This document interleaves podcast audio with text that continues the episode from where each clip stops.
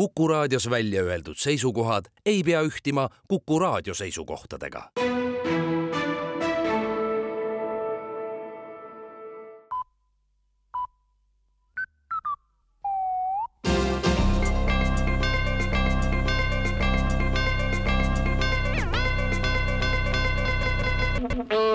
tere kuulama uudiseid stuudios Rohke Debelak valitsus hakkab alates järgmisest nädalast seaduseelnõusid saatma otse Riigikohtusse. vahele jäävad aeganõudev Riigikogu ja ka president, kelle kinnitamiseks saadetud eelnõud kipuvad ka Riigikohtuni jõudma, märgib valitsuse tänahommikune pressiteade eelnõude saatmine otse Riigikohtule kiirendab seadusloomeprotsessi oluliselt ja seda ajal, kui Riigikogu ja president ei ole oma töös valitsuse sõnul just ülemäära konstruktiivsel lainel ehk kaugemas tulevikus saavad valitsus ja Riigikohus kogu vajamineva töö juba ise ära teha ja kulukas parlamendipoliitika jääks üldse vahele külmad ilmad aga toovad endaga kaasa taas soojakulude hüppelise kasvu ja valitsus ja korteriühistute liit on vaaginud koos hindade kontrolli all hoidmise võimalusi.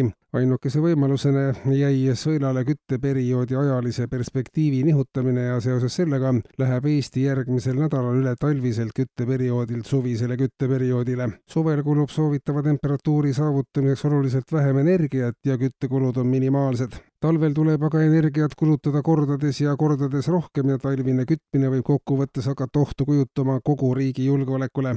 üleminek talviselt kütteperioodilt suvisele annab kokkuvõttes sadu miljoneid eurosid kokkuhoidu ja selle rahaga saab ette võtta oluliselt huvitavamaid asju, kui pelgalt üldrahvaliku hobi korras püüda pakaselise ilmatingimustes ruumi soojaks kütta suvisele kütteperioodile üleminek on maailmas ainulaadne ja kinnitab veelgi Eesti kui innovatiivse riigi kuvandit kliimaministeerium annab aga teada, et alates homsest saavad elektriautode omanikud taotleda toetust sisepõlemismootoriga auto ostmiseks. toetust saavad ainult need taotlejad, kes jätavad endale alles ka elektriauto sisepõlemismootoriga auto on mõeldud selleks, et sellega sõita nii kaua, kuni kliima on soojenenud piisavalt ja tasemeni, mis võimaldab ka Eesti aladel aastaringselt elektriautot kasutada. praeguse viimaste nädalate kogemuste pinnalt vaadates veel võimalik ei ole, märgib ministeerium ja lisab teates, et toetust antakse vanemate ja saastavamate sõidukite soetamiseks, mis peaks kiirendama elektriautodele aastaringselt sobiva temperatuurifooni saabumist.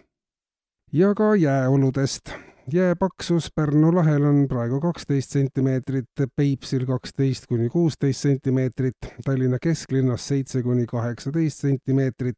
jääle on lubatud minna ka teistes linnaosades. õhem võib jää olla Kagu-Tallinnas, näiteks varahommikul oli juhtum Soobli tänaval, kus kaks bussi oodanud pensionäri vajusid läbi jää ja minekuni on sünoptikute ennustuste järgi aega veel neli kuud ja jäälõhkuja Tarmo, mis alustab tööd homme, suudab pealinna käidavamad kohad siiski kevadeni lahti hoida. ja lõpetuseks, kui praegu kuuleb meid mõni lugupeetud kuulaja, kellel pole juba pikemat aega mitte muhvigi teha, siis tänasest on kauplustes saadaval Poola käsitööajakirja Radnoni Zeno värske number, millest leiate üle saja erineva muhvi lõike lisaks nii kootud muhvide kui karusnahast muhvide lõiked ja valmistamisõpetused. uuringud näitavad, kui inimesel pole pikka aega mitte muhvigi teha, hakkab ta internetis kommentaare kirjutama, ennast targaks pidama ja astub lõpuks ka parteisse. kuulsite uudiseid